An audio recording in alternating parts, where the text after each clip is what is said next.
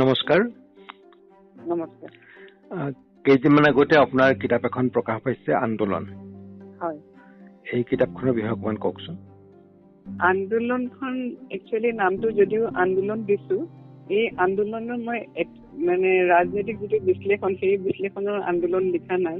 এজন সাধাৰণ মানে অসমীয়া গাঁৱৰ এজন লোকৰ দৃষ্টিত আন্দোলনটো কি সেই বস্তুটোহে মই গোটেই উপন্যাসখনত কঢ়িয়াই দেখাইছো যে আন্দোলনবোৰ আমি কৰো বিভিন্ন পৰিস্থিতিত আমি আন্দোলন কৰিব লগা হয় আমাৰ প্ৰাপ্য বিচাৰি বা যিকোনো ধৰণৰ কিবা এটা বস্তু বিচাৰি আমি আন্দোলন কৰিব লগা হয়।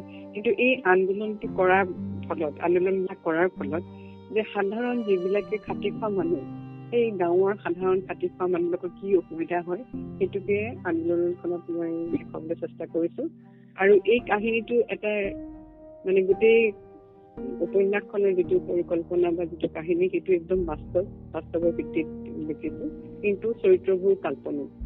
আমি যোৱা বছৰ এটা বিশেষ কামত আমি তেজপুৰলৈ যাবলগীয়া হৈছিল। তেজপুৰত আমি টুৰিষ্ট লজত আছিলো। ৰাতিপুৱা সময়ত আমি প্ৰাতঃভ্ৰমণ কৰি এই ৰাস্তাৰ কাষত ৰৈ থকা বাইদেউ এগৰাকীয়ে চাহ বনাই চাহৰ দোকানত চাহ খাব গৈছিলো।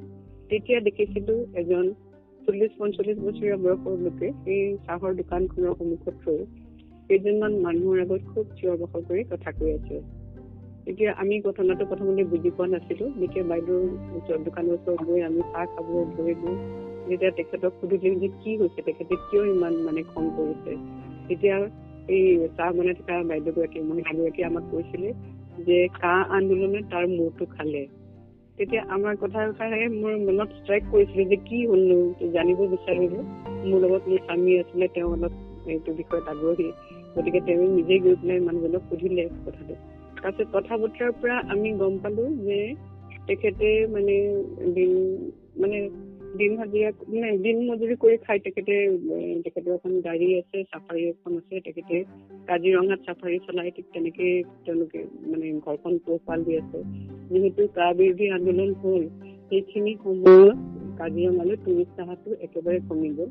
আৰু ফলত তেওঁ সেইটোৱে তেওঁৰ যিটো ব্যৱসায় সেই ব্যৱসায়টোত বহুত ক্ষ- ক্ষতি সাধন কৰিলে।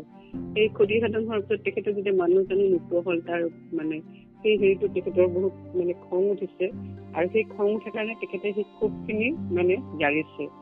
সেইটো বিষয়ে সেই ঘটনাটোৱে অলপ মনত মানে অকমান এটা মানে ভাৱৰ বুৰবুৰণিৰ সৃষ্টি কৰিলে আৰু তাৰ ফলতে সাধাৰণ লোকৰ দৃষ্টিত এজন মই বাৰে বাৰে কৈছো যে এজন গাঁৱলীয়া সাধাৰণ দিন হাজি- মানে মজুৰি কৰি খোৱা লোকৰ দৃষ্টিত আন্দোলনটো কি আৰু আন্দোলনৰ পৰা আমি কি পাওঁ সেইটোকে এই উপন্যাসখনত দেখুৱাব বিচৰা হৈছে। এতিয়া আন্দোলন এটা ৰাজনৈতিক বস্তু। গতিকে এই আন্দোলনটো বিশ্লেষণ যেতিয়া কৰা হ'ব কিবা আপোনাৰ কিবা ৰাজনৈতিক বিশেষ ৰাজনৈতিক দৃষ্টিভংগীৰ দ্বাৰা কৰিছে? নহয় নহয় একেবাৰে কৰা নাই। এজন সাধাৰণ মানুহৰ দৃষ্টিত মানে তেখেতে ধৰক ক্লাছ নাইন টেনলৈ পঢ়া মানে মানুহ। তেখেতে আন্দোলন মানে কা সেই শব্দটোৰ মিনিংটোৱে তেখেতে বুজি নাপায়।